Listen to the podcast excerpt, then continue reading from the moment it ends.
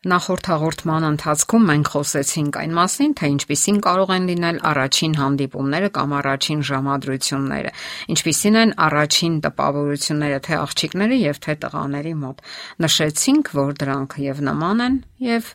որոշ առումով տարբեր։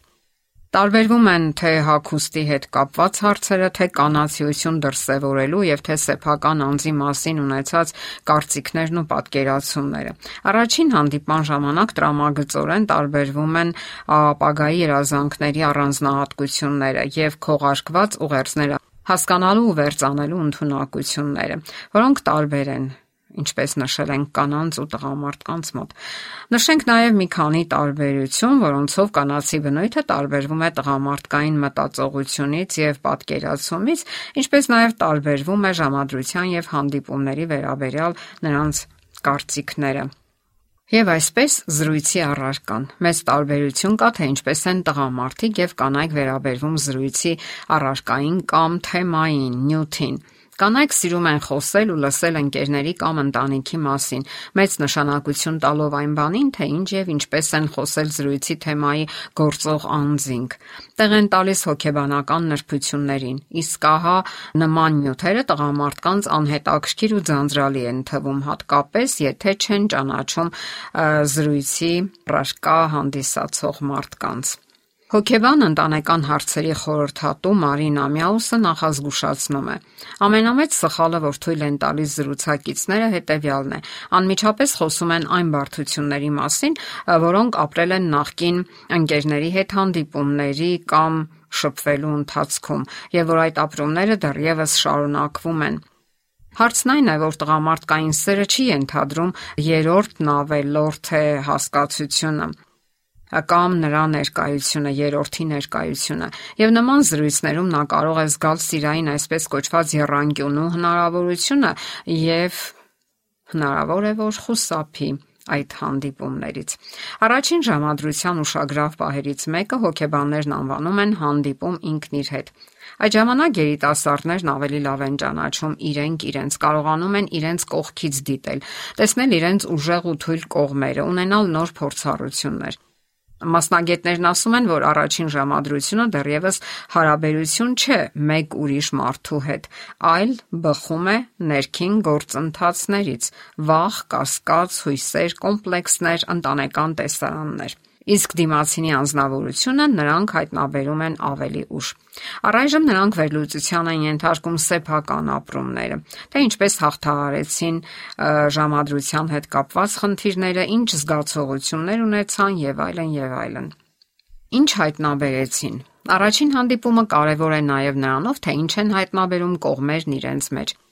Արդյոք դրանք իրոք կարևոր են, արդյոք թանկ են, պատրաստ են շարունակել եւ հանդիպել այդ օրինակ ապրումների։ Այսպիսի արտահայտություն կա։ Տղամարդիկ սիրում են աչքերով, եւ այդ հանդիպումից հետո նրանք համեմատում են կենթանի մարդուն իրենց գիտակցության մեջ ստեղծած իդեալական կնոջ հետ։ Կդիմանա արդյոք իրական անznավորությունը այդ հորինած երևակայական կատարյալ կերպարի համեմատությանը համապատասխանում է արդյոք նա իր երազանքների կատարյալ կանացի կերպարին։ Հանդիպման ընթացքում երիտասարդները ճանաչում են նաև իրենց հույզերը։ Հույզերը կարելի է նմանեցնել ճափիչ սարքի, որի շնորհիվ մենք հասկանում ենք մեր ներքին աշխարհը։ Դրանք օգնում են, որ մենք կարողանանք ներդաշնակ հարաբերություններ պահպանել շրջապատի հետ։ Կարևոր են թե ժպիտները, թե ծիծաղը։ Առանց դրա հարաբերությունը սովորաբար կասկած է առաջացնում։ Մարդիկ փորձում են հասկանալ, թե ինչ է կատարվում նրանց ներաշխարում, նաև իրենց։ Հոգեբանական տեսակետից հասուն եւ սոցիալապես կայացած տղամարդը ամենից առաջ կորոնի այն կնոջը, որը հուզականորեն արձագանքում է իրեն, եւ մարդու սիրային կյանքը հնարավորություն է տալիս զարգացնելու անznավորության այն կողմերը, որը սովորաբար քիչ է դրսևորված եւ ներառված տղամարդու սոցիալական կյանքի համարյա բոլոր ոլորտներում եւ գործունեության մեջ։ Եթե առաջին հանդիպումը չի տալիս այդ հուզական վերելքը, ապա նա չի գնա երկրորդին Ահա թե ինչու առաջին հանդիպումը բացառիկ նշանակություն ունի, թեև չի երաշխավորում այդ պատմության երջանիկ վաղճանը անպայման։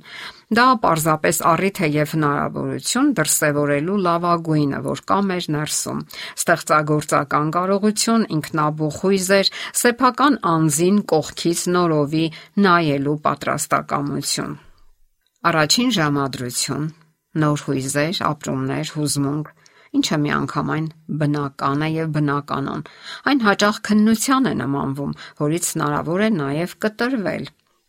Սակայն դա ողբերգություն չէ, այլ պարզապես նոր փորձառությունների աղբյուր։ Կարող եք հետևություններ անել, նորովի մոտենալ հարցերին։ Միգուցե դեռևս երիտասարդ եք կամ ձեզ մոտ